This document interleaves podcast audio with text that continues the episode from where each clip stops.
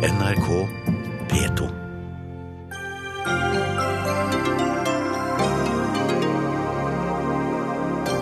De glemte arbeiderne skulle vanligvis ha stemt på venstrepartier når uretten traff dem. I stedet gjør de en skarp høyresving verden over. Er det fordi venstresiden ikke forstår populisme? Avisen Dagen trykket kronikk om terapi for homofili og omvendelse til Jesus Kristus over to sider, men er det homohat? Det offentlige bomselskapet Fjellinjen, som kun skal sørge for penger til staten, sender arbeidsplasser og skatteinntekter til Serbia og Latvia.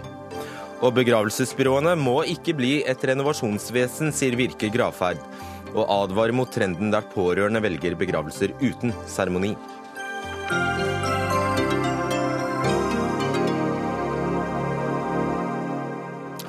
Da er vi i gang med en ny uke med Dagsnytt 18. Jeg heter Fredrik Solvang.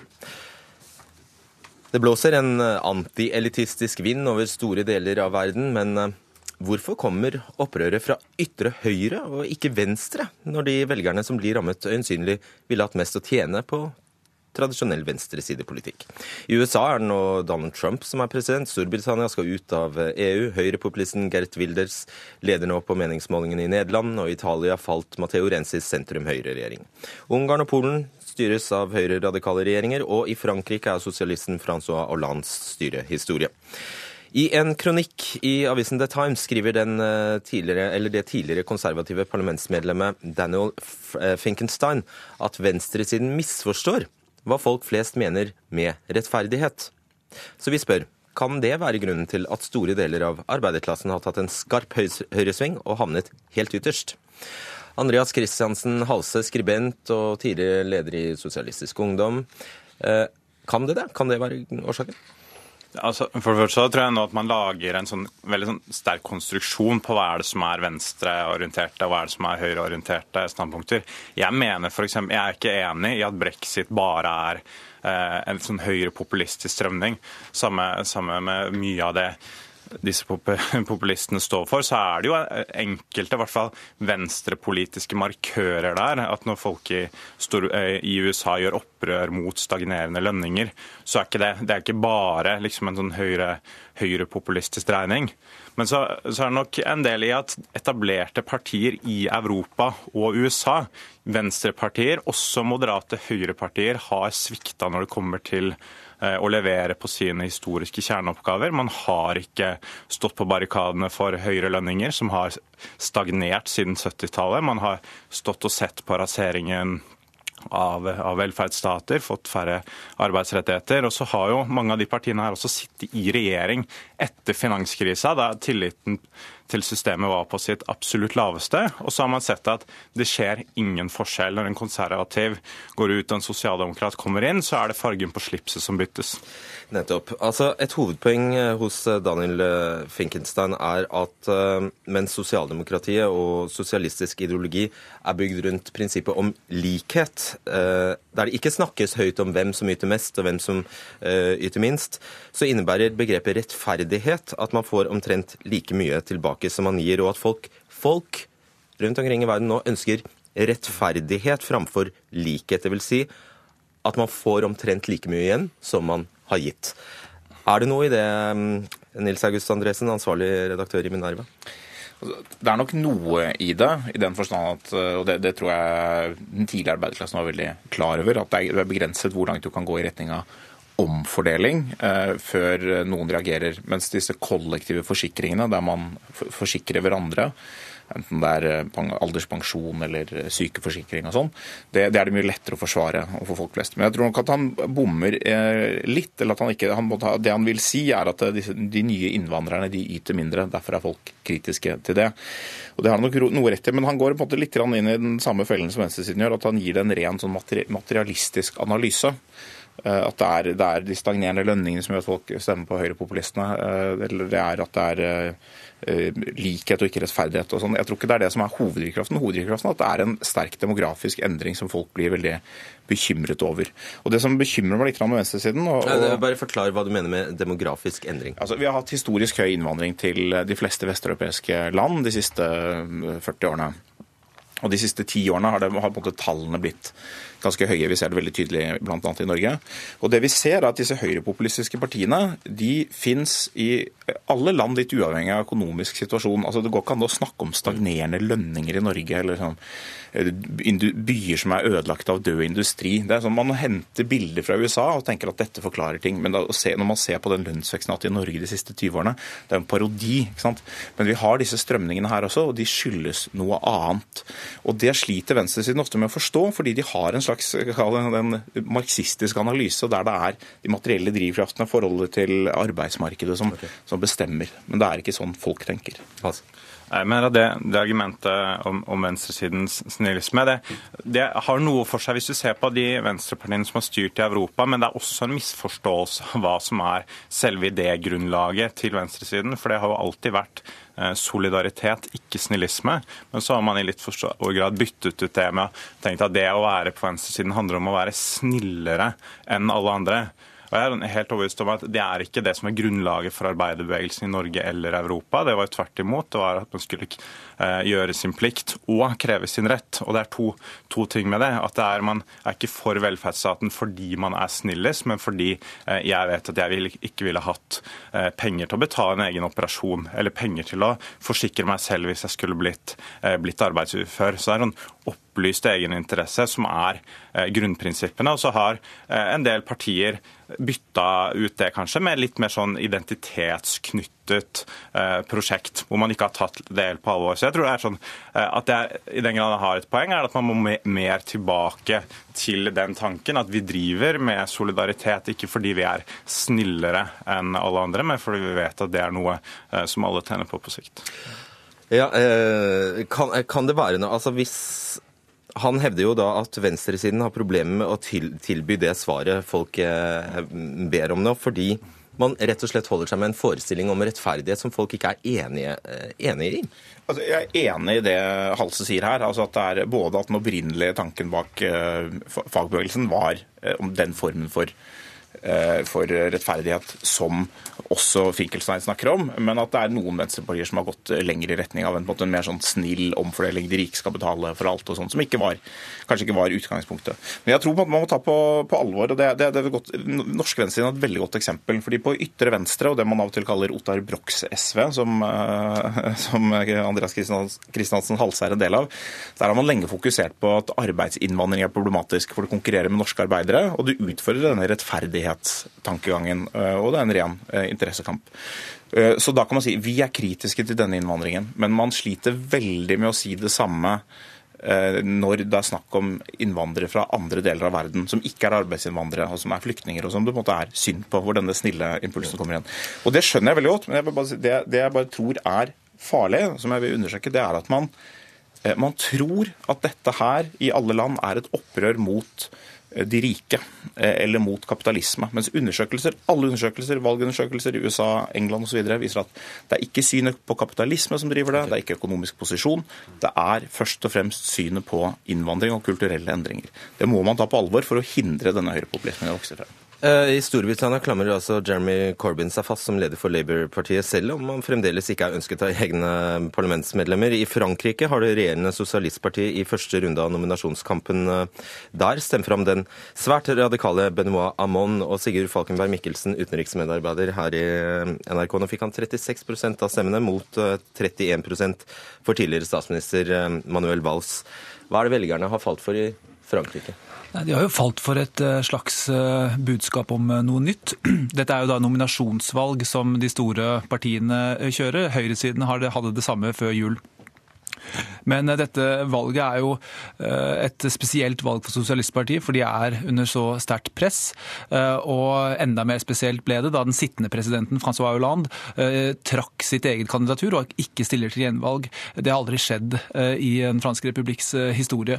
Sånn at det er på en måte en venstreside med et kraftig identitetsproblem, og som tar da videre med seg den splittelsen de har hatt under hele femårsperioden til Hollande, som går egentlig på tvers av det franske franske sosialistpartiet mellom en, det vi kan kalle en styrende sosialisme, som Hollande representerer, som Manuel Valls representerer, og da mer, et mer radikalt budskap som Amon representerer, og som da er også skal vi si, Han argumenterer for en 32 timers uke, skatt på robotarbeid, fri hasj og en del, på, på, på en del sånne ganske liberale på, på noen, noen, noen, ståsteder.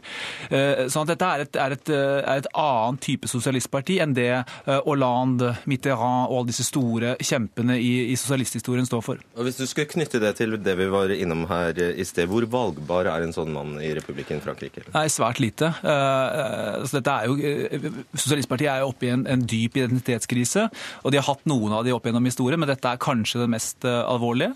Og Amon er da akkreditert med 7% av stemmene, altså helt ute av stand til å kvalifisere seg til runde nummer to i presidentvalget. Altså man, man, man, man, eh, tipper at han vil få bare 7 hvis ja. han møter, uh, når han møter i en reell I, I, en reell debatt mo, uh, og en reell valgkamp mot da de store kandidatene Fillon, Marine Le Pen og da sentrumskandidat Macron.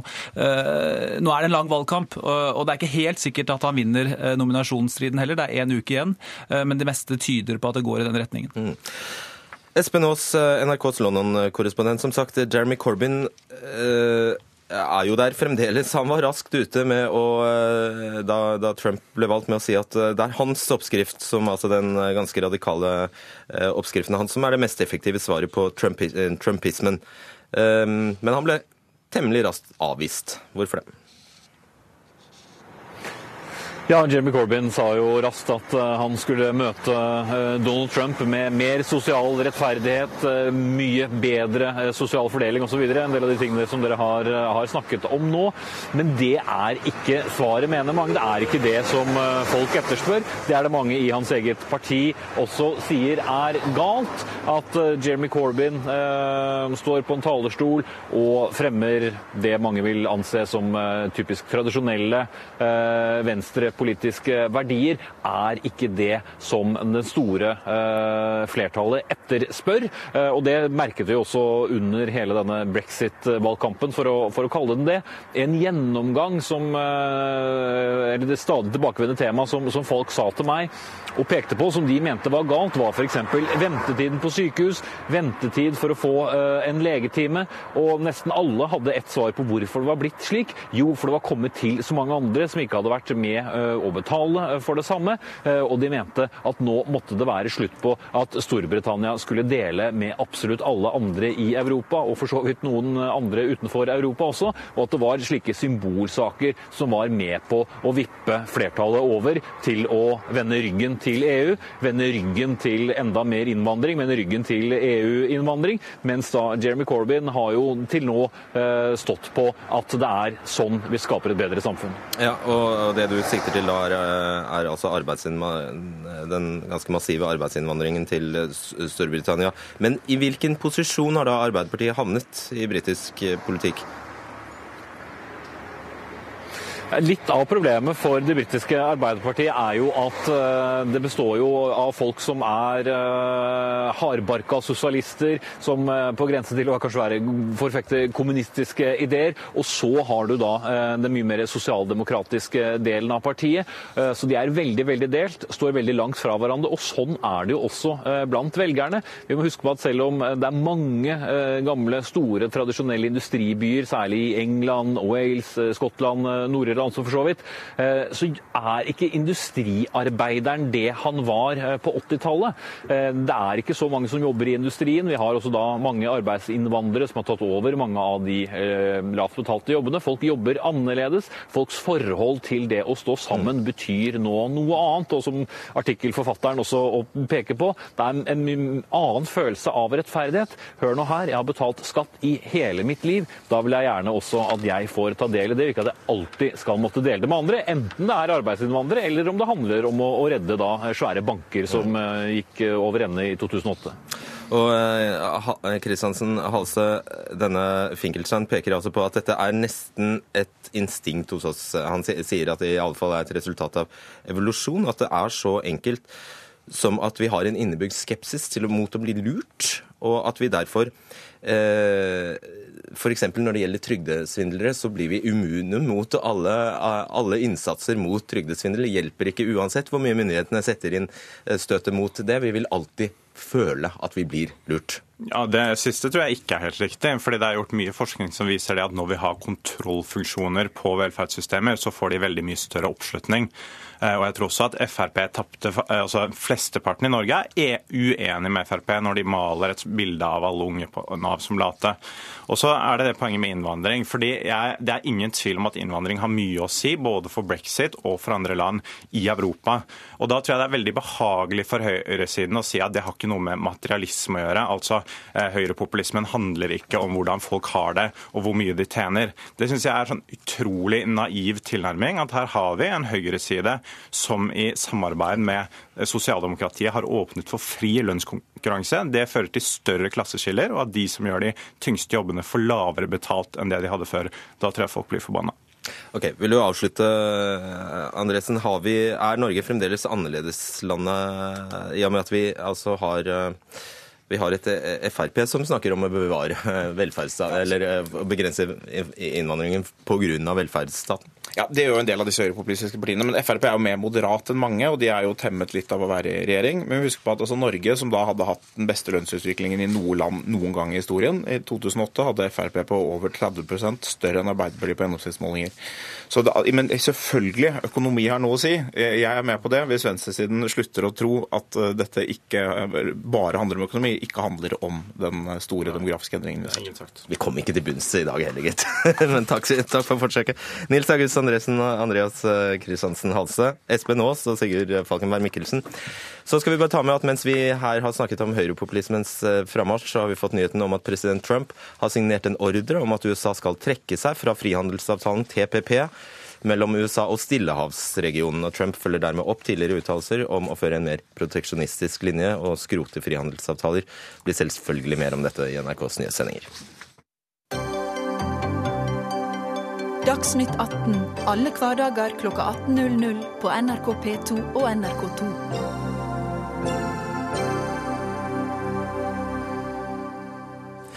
Avisen eh, ja, begynner ikke sånn. Vi begynner sånn. I en ytring på nrk.no går lederen for FRI, altså Foreningen for kjønns- og seksualitetsmangfold, hardt ut mot avisen Dagen og sjefredaktør Vebjørn Selbekk, som hun mener er med på å legitimere homohat. Det var en kronikk ved navn 'Støttes trosbekreftende sjelesorg?' spørsmålstegn fra fredag som fikk det til å tippe over for deg, Ingvild Endestad, leder i FRI.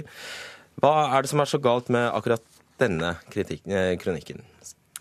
Nei, jeg tror tippe over er riktig valg av ord. En, den føyer seg jo inn i en lang rekke av eh, tidvis homofiendtlige eh, ytringer som, som, kommer i dagen, og et eh, rimelig negativt og ensidig eh, omtale av homofile. Og så er det sånn at denne, denne kronikken her er spredt over to sider. Den er fremheva eh, som anbefalt lesning i avisa, og det den kronikken tar til orde for, er jo å kurere homofili.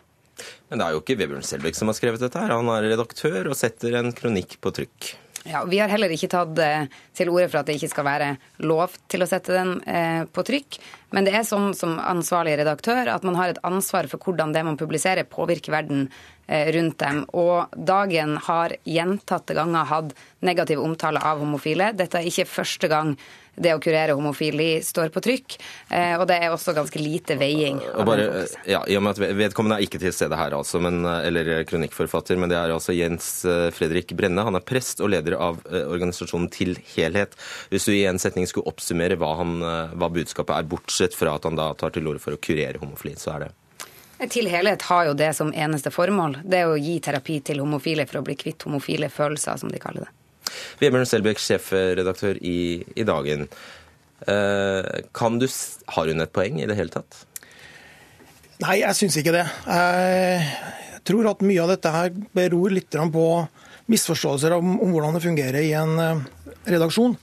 Hvis du er eh, uenig i det denne kronikkforfatteren har skrevet, så er det han som burde ha sittet her og diskutert det med deg. Sånn er det i alle eh, aviser i Norge.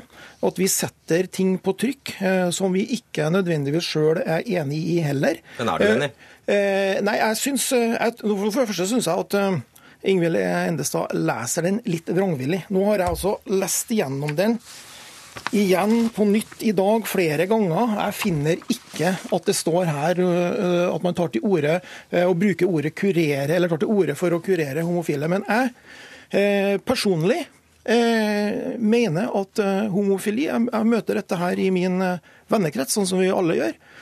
Homofili er noen ting som er eh, medfødt, og jeg er ikke eh, tilhenger av og mener skal være veldig forsiktig med, med å endre de tingene der, og forbønn og sånne ting, som der det har blitt gjort mye eh, rart opp gjennom årene. Det har du, har du, rett i. Og så må jeg få lov til å si det, Fredrik, at jeg er også litt oppgitt og trist når jeg leser din kronikk på NRK Ytring i dag der du eh, skriver at eh, vi er med på å legitimere hat mot homofile og vold mot homofile.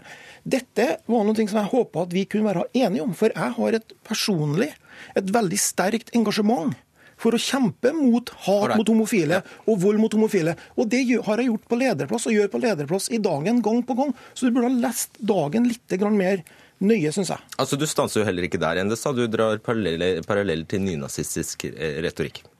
Jeg skjønner at det er ubehagelig for Selbekk å høre at enkelte av de ytringene og den, den gjentatte negative fokuset på homofile settes i sammenheng med, med voldelige grupperinger. Og er, jeg tror ikke at Vebjørn Selbekk eh, støtter voldelige angrep. Problemet er jo bare det at utgangspunktet for denne type omvendingsterapi og utgangspunktet for de som ønsker å bekjempe homofile med vold, er det samme. Det er en fortelling om homofile som noe negativt. Og så må jeg også legge til at det er ikke bare i i kronikker som ikke Selbekk sjøl er ansvarlig for, at man får denne type retorikk. Selbekk har bl.a. skrevet eh, at man ønsker å kritisere den voldelige og nei, den aktivistiske og militante homolobbyen. Ordet homolobby har blitt brukt i, i Dagsavisen. Militant er jeg litt usikker på hvor det kommer fra, men det er helt identisk retorikk som den nynazistiske bevegelsen bruker mot oss i dag. Vet du var, altså... Uh dette er litt sjokkerende. Når vi begynner å snakke om nynazisme og de tingene her. Altså, vi har en av de eh, hva skal jeg si, artiklene eller eh, helgetemaene som jeg er mest stolt av å ha publisert i min tid som sjefredaktør i Dagen. Det er en stor historie om det, det rosa holocaust, altså eh, forfølgelsen mot homofile ja, er, under den andre verdenskrig. Det greit, dette, nei, men, men, dette er viktig for meg. Ja, altså, for vi som er, er, opptatt av holocaust og alt dette, homofile ble også forfulgt den gangen. Homofile forfølges og bedrives vold med i dag på gatene i Oslo, er, drepes i Orlando. Dette tar jeg sterkt avstand fra og har gjort det gjentatte ganger i dagen. Dette kjemper vi imot. Og Derfor så blir jeg så blir jeg altså både oppgitt og lei meg når, jeg, når, jeg, eh, når, vi får sånne påstander om at her, her, fremmer vi både for du skriver det, både homohat og vold mot homofile. Jeg tar sterkt avstand fra det.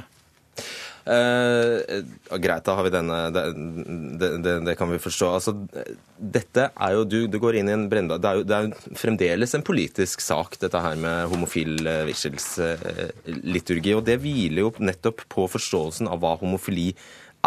Og Der er det fremdeles en uenighet. Det er jo lett å tolke deg som at du egentlig vil stilltie alle som har en annen tolkning enn deg, og at det er nå kun lov til å mene at homofili er medfødt. Nei, det tenker jeg ikke er det vi sier. Det vi sier er at eh, man kan godt ha en, en, debatt med legitime argumenter, det kan man ha. Men det å snakke om noen som syk, som ja, Det eh, gjør de heller ikke. De sier de, vi gir trosbekreftet si. sjelesorg basert på autonomi og grunnleggende etniske retningslinjer. Og gir hjelp til de som kan berette om homofile følelser. og Eller få bearbeida sin sjelelige, psykiske og relasjonelle vanskeligheter på det seksuelle området.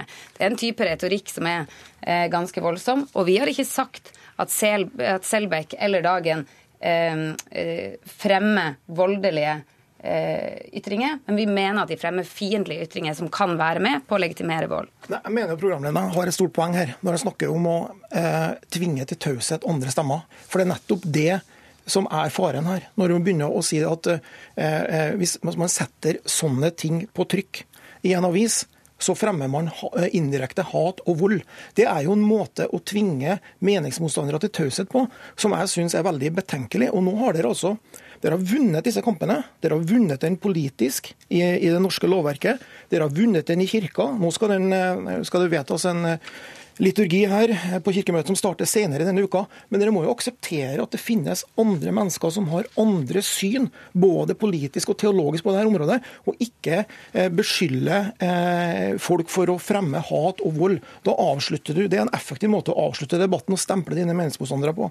Og Det har okay. jeg håpa at FRI ikke skulle drive med. Eh, Jeg har gjentatte ganger sittet i debatt med deg, gjentatte ganger sittet i debatt, invitert inn til debatt med meningsmotstandere. Men jeg håper også at vi kan skille mellom det som er ytringer på saklig grunnlag eller teologisk grunnlag som ikke stempler en gruppe som uønska. Min bekymring ligger hos de ungdommene som sitter der ute og leser at de skal gå i terapi. Eh, Min bekymring ligger også hos eh, de som leser at det finnes en militant homolobby som man skal bekjempe. Fordi den ideen er du med på å plante, og det skulle jeg ønske at du ikke gjorde. Et enkelt spørsmål, Selbekk, siden du nå har satt den på trykk og ikke syns der, Jeg antar at du ikke syns det er pølsevev? Nei, Eh, det syns ikke jeg. Nei. Er det mulig å kurere homofili, tror du? Jeg, som sagt, jeg eh, er, er skeptisk til det, rett og slett. Altså, jeg, dette, dette eh, har jeg møtt. Jeg har, eh, møter mennesker som, som genuint Er det er riktig å prøve homofile. å gjøre det? Nei, jeg tror at det er, kan være farlig å, å gjøre det, rett og slett. Jeg tror at mange mennesker har, har også fått problemer gjennom sånne ting som, eh, som det. Så det er jeg personlig veldig skeptisk til. Men jeg ønsker ikke svenske tilstander, der det er bare politisk korrekte ting som kommer på trykk. Og så vil jeg ha kommet med en oppfordring til deg. Eh, eh, Dagen har åpne spalter. Vi har, ser veldig gjerne at FRI skriver oss svar på denne artikkelen. Vi skal okay. gi den en god plassering, og det er vi veldig interessert i å ha. Vi deltar gjerne i debatt. Vi deltar ikke i en debatt om hvorvidt eh, homofile ungdommer er syke eller ikke. Det er ikke en debatt vi tar. Vi kan ta en saklig debatt på et saklig grunnlag, så vi kommer ikke til å svare på den kronikken. Derimot retter jeg søkelyset mot den gjentatte negative fokuset som dagen har. Og jeg skulle ønske at du, Selbekk, ikke bruker ord som svenske tilstander, homolobby, uten å spesifisere dem, fordi de er med på å skape et bilde om at det finnes en farlig ytre der ute. som Jeg kniper deg der, for nå, nå har vi ikke mer tid. Beklager, men vi fortsetter en annen gang. Takk skal dere ha. Vebjørn Selbekk og Ingvild Endestad.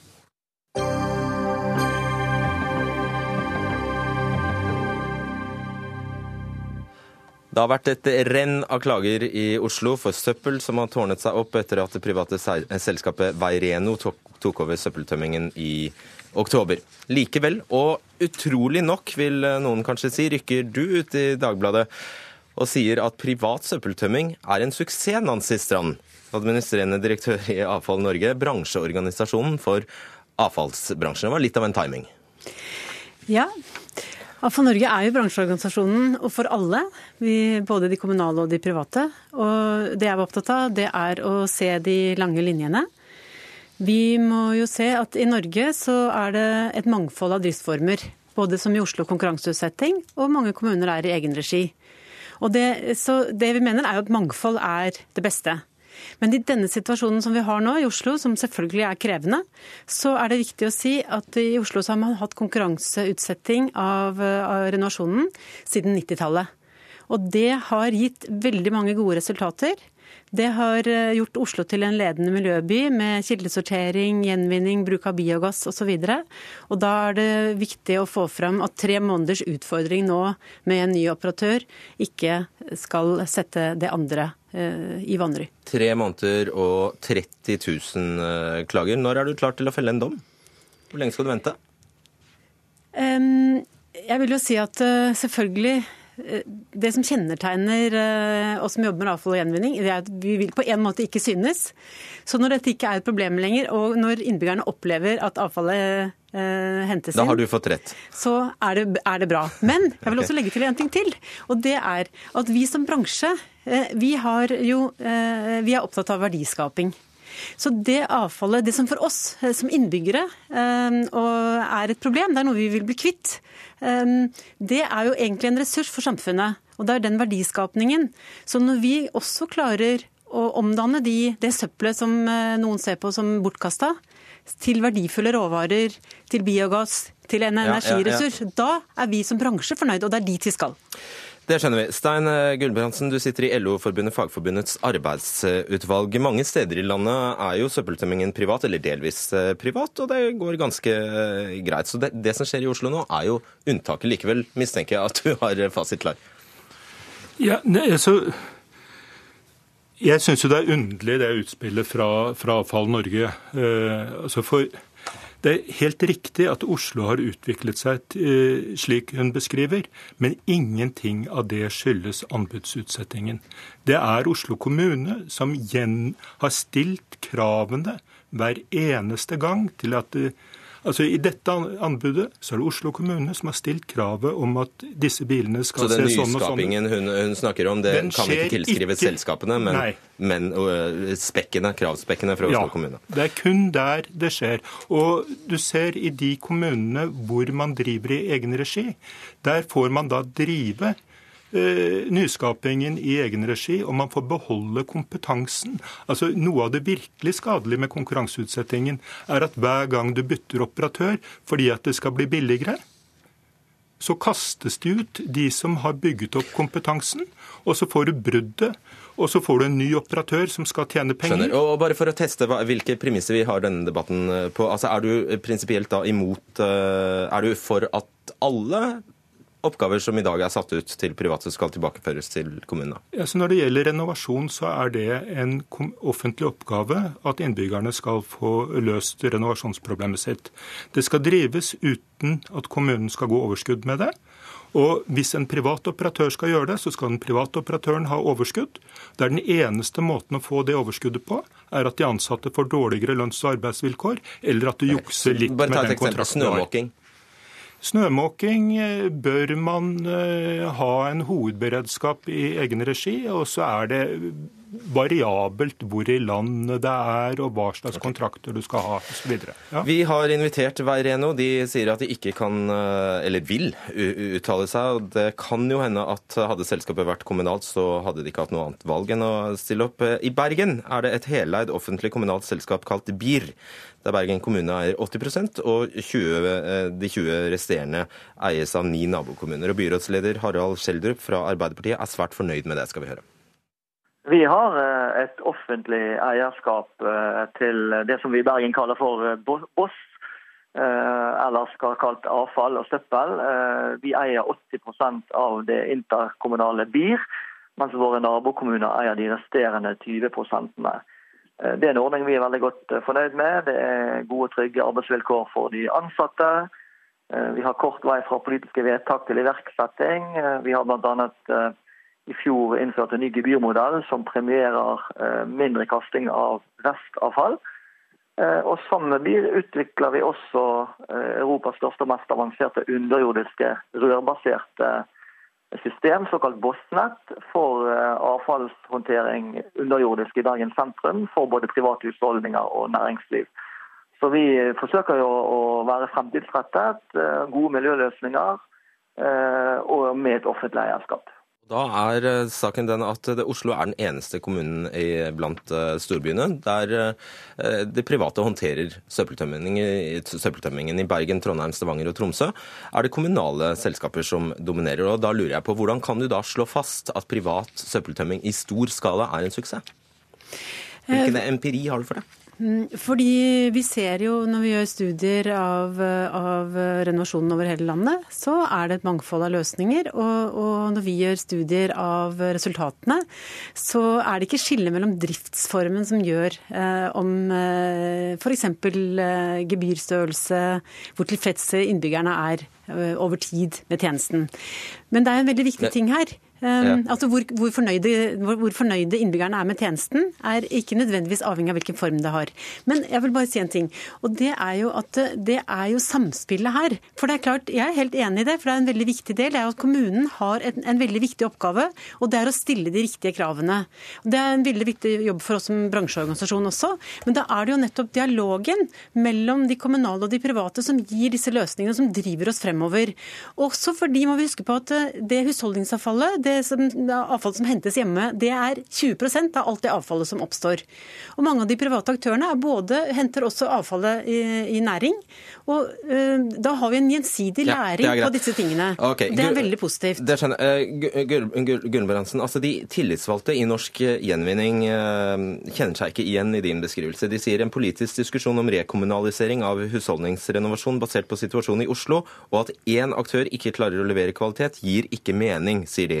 Det ble helt feil. Gjennom mange tiår har vi og andre private aktører levert gode renovasjonstjenester til kommunene. Det er vi stolte av. Ja, altså Det er godt at folk er stolte av arbeidsplassen sin. Og de fleste, eller alle, prøver å gjøre en god jobb. Problemet er at dette er en tjeneste som er definert hva, hvilke biler som skal gjøres, hvilke kjøres, hvilke drivstoff som skal brukes, hvor mye som skal hentes. Det er definert i kontrakten.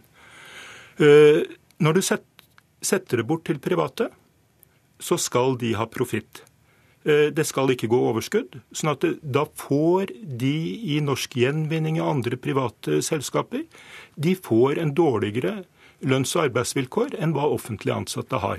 Og når perioden går ut, så byttes de ut med andre, sånn at du må bygge opp kompetansen på så at du får mindre eller større skjønner, skandaler hvert fjerde år. Nå sier Også, du egentlig at du vet bedre enn de tillitsvalgte selv? Nei, jeg sier ikke det. Jeg sier at de har helt rett. At det, klart, det selskapet vi har fått i Oslo nå, de har eh, ligger nå husker jeg ikke var det 80 millioner under norsk gjenvinning eller noe sånt nå.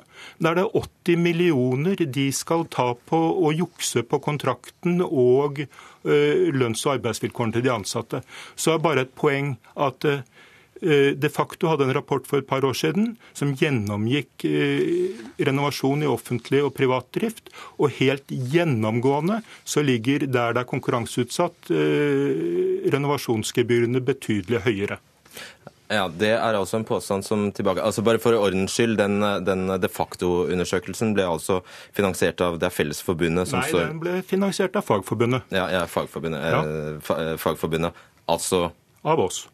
Ja, av dere. Ja. Så det er ikke en, nødvendigvis en helt objektiv rapport? Nei, altså det er en rapport som har gjort en slik Kan i hvert fall ikke underbygge ja. det som kommer fra den de facto-rapporten. Og jeg synes Det er en avsporing, for det er samspillet mellom de kommunale, enten de velger å gjøre dette i egen regi, eller de velger å gå ut og legge det på anbud. Det er samspillet mellom de offentlige aktørene og de private.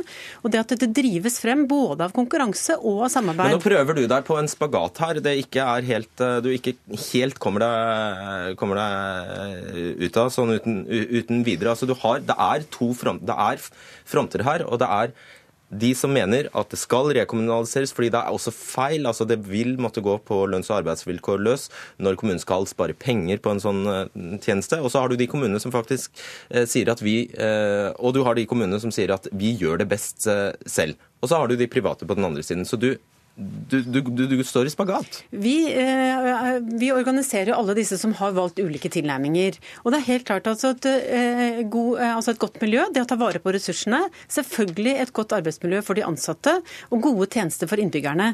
Det skal være en del av det. Og det er også en del av læringen som denne bransjen stadig blir bedre på. Og da mener jeg at det må være helt feil å fremheve at den ene driftsformen eh, er bedre enn den andre. Er dine kommunale medlemmer enig i det?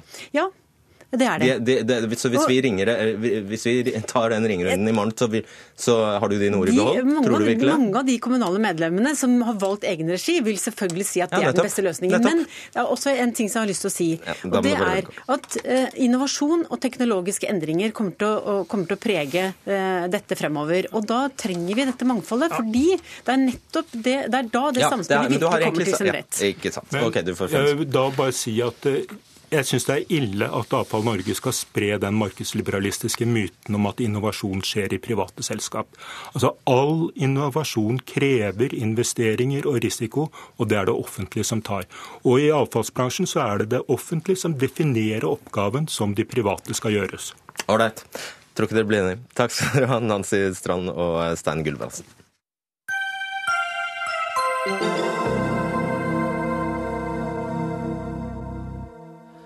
Ringer du til kundeservice i bompengeselskapet Fjellinjen i Oslo, så er det store sjanser for at du havner hos en utenlandsk operatør i Beograd i Serbia. Mens bildeanalysene som selskapet gjør for å sjekke bompasseringer, ja, de blir behandlet manuelt i Riga i Latvia. Og alt dette for at selskapet skal drive effektivt, sier Fjellinjen selv til Dagsavisen, som brakte saken i dag. Hilde Foss Christensen, du er kommunikasjonssjef i Fjellinjen. Hva er Fjellinjen, og hvem er Fjellinjen eid av? Bare ta det først. Fjellinjen er bompengeselskapet i Oslo. Så vi er eid av Oslo kommune og Akershus fylkeskommune. Så dere har bare én oppgave, og det er å sørge for inntekter til stat og kommune? Det er det. Vi skal sørge for mest mulig penger eh, til Oslopakke 3, som da finansierer veiutbygging og kollektivtiltak i Oslo og Akershus.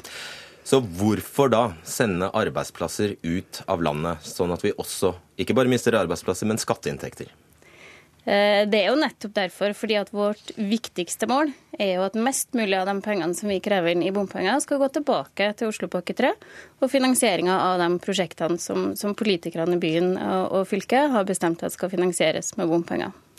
Hvor, mye, hvor mange er sendt ut av landet?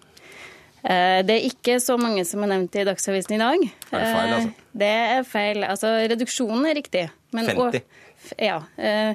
Vi er 50 i dag, og vi var 110 stykker i, i, for fem år siden. Det er riktig. Har du sendt 60 ut, da, eller? Vi har ikke sendt 60 ut, men vi har redusert antall ansatte pga. automatisering. Bl.a. på bilde, bildekontroll så er det nå veldig mange færre bilder som kontrolleres eh, manuelt enn det det var før. Ok, Men hvor mange ansatte har dere i Riga og i Beograd? Vi har ingen ansatte i Riga og Beograd.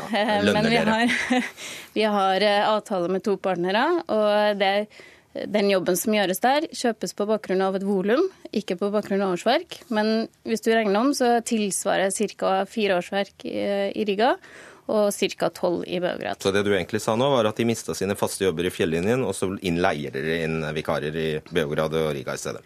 Nei, altså vi har eh, redusert våre kostnader eh, med 120 millioner i året de siste seks årene. Og dette er ett av de tiltakene vi har gjort eh, for å få til det. Hvor mye sparte dere på det? Vi sparer 17 millioner i året på, millioner. på denne tjenesteutsettinga. Mm. Ser du det paradokset jeg vil fram til? Eh, for oss så er det veldig enkelt, fordi vi har et krav på oss fra våre eiere på å drive mest mulig effektivt. Mest mulig av bompengene som byens innbyggere betaler, skal tilbake til de prosjektene som skal finansieres. Det er greit, men ja. hvis du tar på deg litt større briller og ser litt ut av din egen, eh, forbi din egen navle, ser du da at det er et poeng? Da blir jo diskusjonen om bompenger skal finansiere veiutbygging eller om de skal finansiere sysselsetting. Eh, det er en annen diskusjon, tenker jeg da. Mm. Uh, altså, bare for å ta disse tallene. Altså det, uh, hvem, nei, hvem, hvem, er det som uh, hva, hva, slags type mennesker er det som sitter og tar telefonen i Beograd nå? Det er høyt utdanna mennesker som har gått på universitetet i Beograd og lært seg norsk fordi de har lyst til å jobbe i Skandinavia. Og da ser de på det her som en inngangsport. Så det er serbere som har lært seg norsk, mm. som dere da har Men de er ikke fast ansatt, sa du? Ikke hos oss, nei. De er ansatt i, i det selskapet i Beograd. Var de fast ansatte, de som fikk, ikke har jobb lenger i Norge? Ja, men nedbemanninga i Norge har eh, foregått på bakgrunn av en, en reduksjon i, eh, i kundehenvendelser. Det, var, det er hovedsaken til at reduksjonen har skjedd i Norge. Og det skjønte jeg.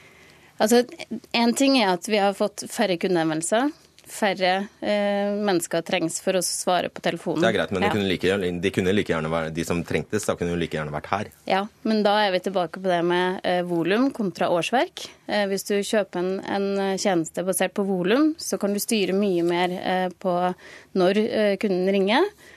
Noen ganger trenger du mange på, noen ganger trenger du få på. Hvis du har dem fast ansatt i Oslo, så er det eh, mye mer dødtid og mye mer kostbart enn hvis du har en partner som kan hjelpe til. Hvis du har frilansere i Beograd, mye billigere? Ja, de er ikke frilansere. De er ansatt i det selskapet. Ok, Men, men lønningene oss, er så lave der at det vil bli billigere for dere? Lønningene er lavere i der. Og der har du jo egentlig krukset. Ja, altså ja. lønningene er jo lavere er også, i Beograd. Er ikke dette sosial men, dumping? Nei, nei, nei, det er, ikke sosial dumping. Det her er uh, offentlig anskaffelse på en, uh, få en partner på en tjeneste et, ut på et internasjonalt marked, så er det eh, pris og kvalitet som teller. Og når da eh, utenlandske aktører eh, har den laveste prisen, så må vi velge dem. Innenfor EØS, ikke sant? Innenfor EØS. Du sier dere har spart 17 millioner. Vet du hvilke lønns- og tarifforhold disse arbeiderne har? Eh, Det har jeg ikke detaljer på, men vi har sikra oss gjennom vårt eh, avtaleverk med dem at det er gode lønns- og arbeidsvilkår. Eh, Og vi oppfatter det som at det er attraktive arbeidsplasser. Det er veldig lav turnover. Det er gode søkere til de stillingene som er der. Mm. Hva, dere har, altså, som sagt, Deres eiere er altså Oslo kommune, og Akershus fylkeskommune. Ga de dere beskjed om å gjøre det på den måten? Ikke på den måten, men de har gitt oss beskjed om å drifte mest mulig effektivt. Eh, Både våre eiere og våre oppdragsgiver Statens vegvesen er opptatt av det. Er det aktuelt å outsource enda mer? Nei, vi har ingen planer om det. Dere har skrapt kasse. Det er ikke flere, er ikke flere steder å spare? Jo, vi har mange flere steder å eh, spare, men eh, der tror jeg teknologien kommer til å være en større driver enn eh, outsourcing. Mm. Og til slutt, eh, har du tenkt, eller la meg utfordre deg til å tenke på, hva skjer om alle landets kommuner, alle landets fylkeskommuner tenker som dere, gjør som dere, outsourcer sentralbordene sine f.eks., alle som er til Riga eller til Beograd. Hva skjer da? Eh, Da blir det mer penger til andre ting, da. For vår del så blir det mer penger til veiutbygging og kollektivutbygging, og det er det vi er til for. Så for oss er det det viktigste målet. Men da har vi ikke arbeidsplasser igjen i Norge. Jo, det har vi. Vi har andre typer arbeidsplasser. Det skal styres ut, og det skal sikres en kvalitet, og det skal sikres en kontroll. Så det har vi. Ålreit.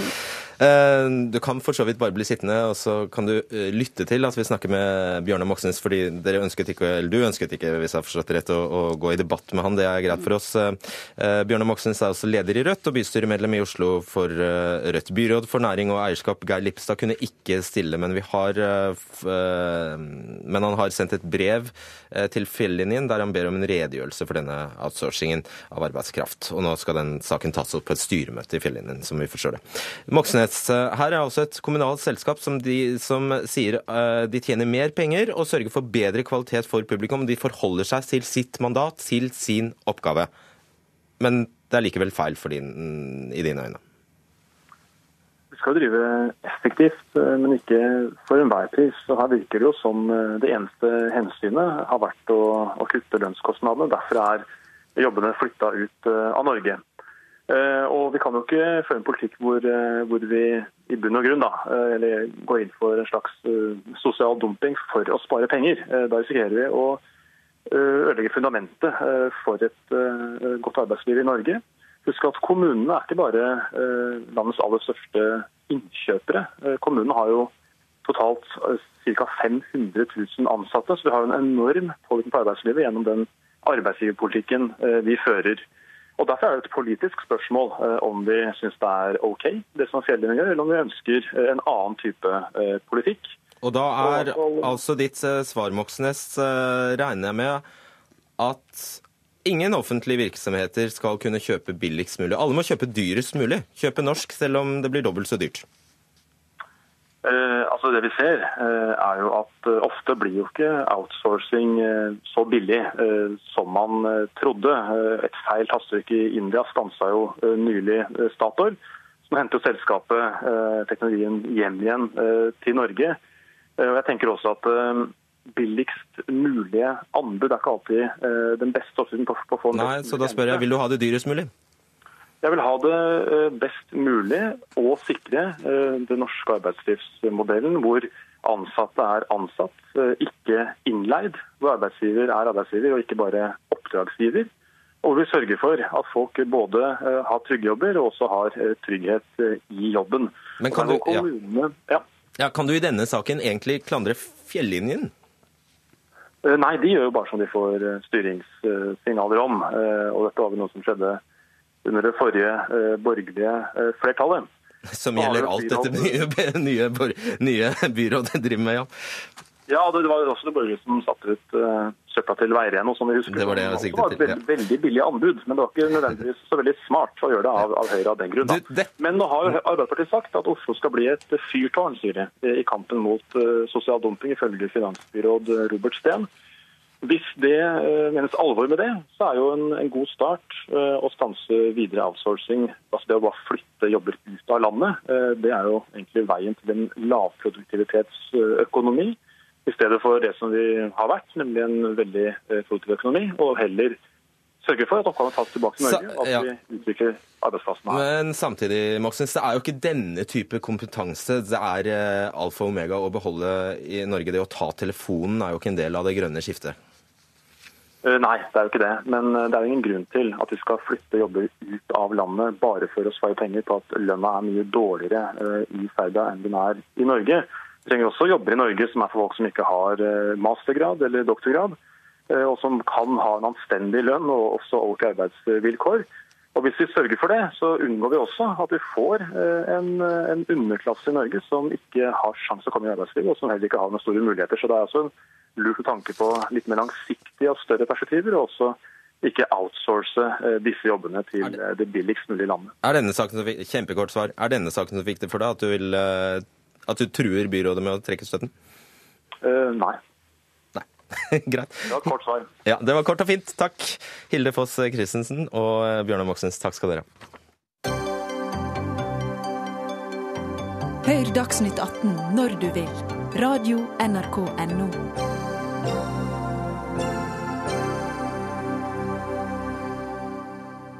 Flere og flere pårørende velger begravelse uten seremoni når de skal gravlegge sine døde. I stedet for salmer, blomster og minnetaller kjøres den døde rett til krematoriet. Rundt 5% av alle begravelser foregår på denne måten, og det tallet er stigende. Og Gunnar Hammersmark, direktør i Virke gravferd i Vårt Land i dag, advarer du mot disse begravelsene uten seremoni. Hvorfor må man på død og liv ha en seremoni når, når man legges i jorden?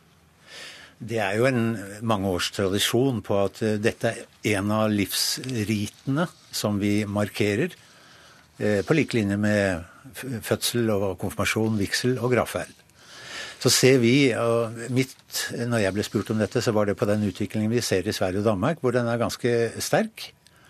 Og jeg også ser at den er økende her hos oss. Og jeg syns det er en negativ utvikling. Fordi det ikke er sånn vi har gjort det? Ja, fordi at de som har jobbet med sorg og sorgbearbeiding også, eh, anser vel kanskje ikke dette som den optimale løsningen. Hva mener du med det? Det betyr at når vi skal ta avskjed med noen eh, som vi er blitt glad i gjennom et langt liv, og ikke ha noen form for markering eh, Vi har kan virke eh, rart på noen. Når det er sagt, så kan det finnes situasjoner, og det sier jeg også i avisen i dag, det kan finnes situasjoner hvor dette er en helt naturlig og riktig løsning for pårørende. Som hva da? Som ikke å, å ha noen form for seremoni. Det kan være brutte familierelasjoner, som er en økende problemstilling i vårt land også. Mm. Marita Eikenes, du er administrerende direktør i Fonus begravelsesbyrå. Og dere tilbyr denne formen for begravelser uten seremoni. Hva går det ut på? Ja, Vi tilbyr det samme, ikke bare det, bare Nei, det selvfølgelig, sagt. ja. Mm. Men det er også en del av, av vårt tilbud til eh, etterlatte. For vi står vel også for en tradisjon som sådan, men også ser vi at uh, gravferdstradisjonene er i endring. Og ikke minst eh, ønsker vi å kunne tilby etterlatte en valgfrihet. Det er ikke vår seremoni, det er ikke vår sorg. Og hvorledes den skal både takles og gjennomføres, det syns jeg faktisk at vi er, er forpliktet til, vi som kan dette, å kunne gi alternativene til de etterlatte. Så det er deres valg vi er opptatt av. Hvem er det som da typisk kommer og ber om en slik tjeneste? Veldig få eh, som ber om, om en, en gravferd uten seremoni. Men det kan ha familiære forhold, det kan ha pengeforhold, altså i forhold til priser. eh, Og det kan ha at man ikke ønsker på en måte å eksponere sin egen sorg i en offentlig seremoni. da. Så, så årsakene til det kan jo være flere. Eh, Vårt poeng er igjen at eh, de etterlatte skal ha den valgfriheten, og det syns igjen vi var vårt ansvar. Hammersmark, jeg tar meg jo i å tenke at du er veldig normativ i eh, argumentasjonen din. Du sier vi har, altså, mann har behov for, mann har gjort det slik og sånn. Det kan jo, dette er antagelig helt individuelt. Hvis det er individuelt. Men vi, vi står jo i en tradisjon, så sånn sett så har vi jo mange års erfaring på hva som er en god måte å ta avskjed på. Eh, Det vi ser, og den er jo spesielt sterk i Sverige og Danmark, hvor vi har fått rene online-byråer som ikke har kontorer, biler, som både Fonus og vi andre har her i, i Norge. Eh, og Der betyr det at man, man får tilbud på fire pakker fra ikke-seremoni, enkeltseremoni, vanlig seremoni og omfattende. Og at folk eh, som en ny generasjon pårørende som i stor grad bestiller mye på nett, eh, også nå eh, kan bestille dette uten å ha kontakt med en eneste gravferdskonsulent. Og det er hele opplegget. Og Er det på- også feil? Eh, ja, altså Det må ikke være feil, men jeg ser at det er en, en, en dårlig utvikling på det. Fordi dere har jo nettsider der man faktisk kan eh, klikke og nesten legge i handlekurven eh, Eikenes. Og her koster, kan du velge klikke og velge en eh, eh, begravelse uten seremoni, som koster 16 700 kroner ca. Og da skriver dere at det inkluderer administrasjon fra deres byrå, kiste, stell av den døde og tra eh, standardtransport. Men da kan jo Hammersmark ha et poeng i at det er ikke så mye plass i den prosessen der for pårørende og sorg og det å ta farvel. Det kan de jo gjøre eventuelt i forkant. Eh, men det er fortsatt ikke vi som skal bestemme. Eh, det Vi har også valgfrihet i fire pakker, for å kalle det det. Altså man kan bygge på, bygge, bygge ned og bygge på. Eh, Men igjen så syns jeg at for de etterlatte og det er derfor jeg sitter her i dag også, for de etterlatte faktisk som har valgt en løsning uten en seremoni, så syns jeg ikke vi skal, verken i bransjen eller noen andre, påføre de noe eh, eh, dårlig samvittighet for å ha valgt den løsningen. De har valgt den, og de skal leve med den i flere år, og det syns jeg faktisk at vi skal respektere. Og det er jeg helt enig i. Mitt hovedpoeng er at løsningen vil ofte Du kjøper denne tjenesten i snitt to ganger i livet. og Det betyr at vi har lite erfaring på hva som kan gjøres og ikke gjøres. Ved en diskusjon, samtale med råd fra en gravferdskonsulent, så finner man fram til de gode løsningene. Og det kan i noen tilfeller være dette. Og så kan det være en helt ordinær seremoni. Men det vi ser er altså erfaringen fra Sverige og Danmark, og en utvikling som gjør at flere velger dette også her hos oss. Men syns du fondet skal holde opp med det? Nei. og Poenget Fonus er annerledes enn den, den kritikken jeg har eh, fått. For de har dyktige konsulenter som rådgir. Og de aller fleste som bestiller på nett, rådfører seg også med gravferdskonsulenter. Det, det som er vårt poeng, er at vi skal heller ikke styre hvorledes etterlatte har lyst til å, å komme i kontakt med oss.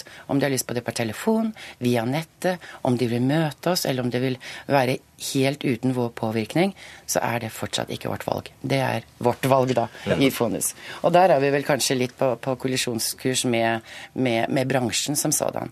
Men igjen, vi, vi setter eh, etterlatte i fokus, altså for de velger sine det løsninger. er interessant at du sier det, det med etterlatte, for det kan jo ofte være konflikt mellom etterlatte. og Hvis man, øh, hvis man da har bestilt en seremoniløs øh, begravelse på nett, mens øh, andre etterlatte ønsker, ønsker en seremoni, så kan jo dette bli veldig trøblete. Gravferdsloven i Norge regulerer hvem som har rett til å ta ansvaret for gravferden, og det må man skrive under på.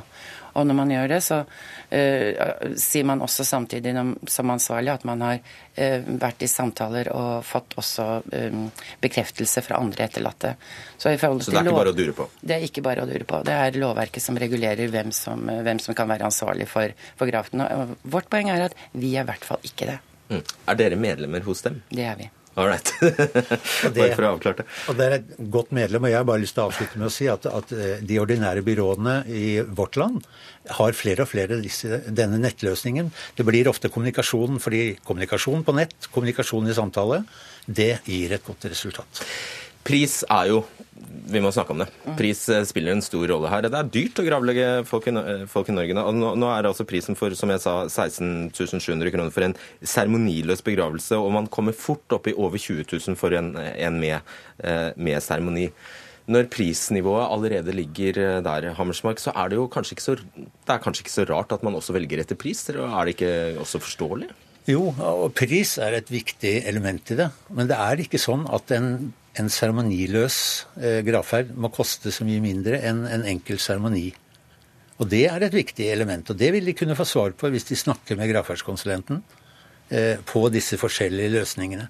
Nettopp der blir rådgivningen viktig, og den tror jeg vi er ganske enige om. Det er klart at, eh, at hvis du ikke har seremoni, så bruker du heller ikke bil, eh, våre ansatte så mye heller, så, så uten seremoni er rimeligere. Mm. Og Hvordan tror du dette kommer til å eh, utvikle seg?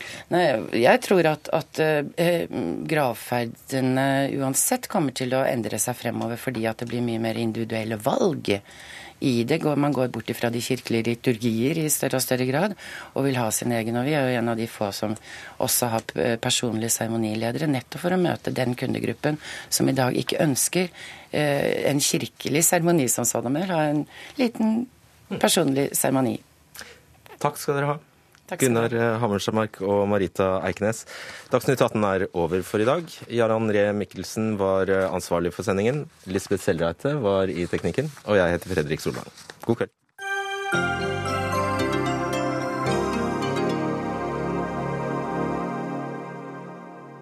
Hør flere podkaster på nrk.no podkast.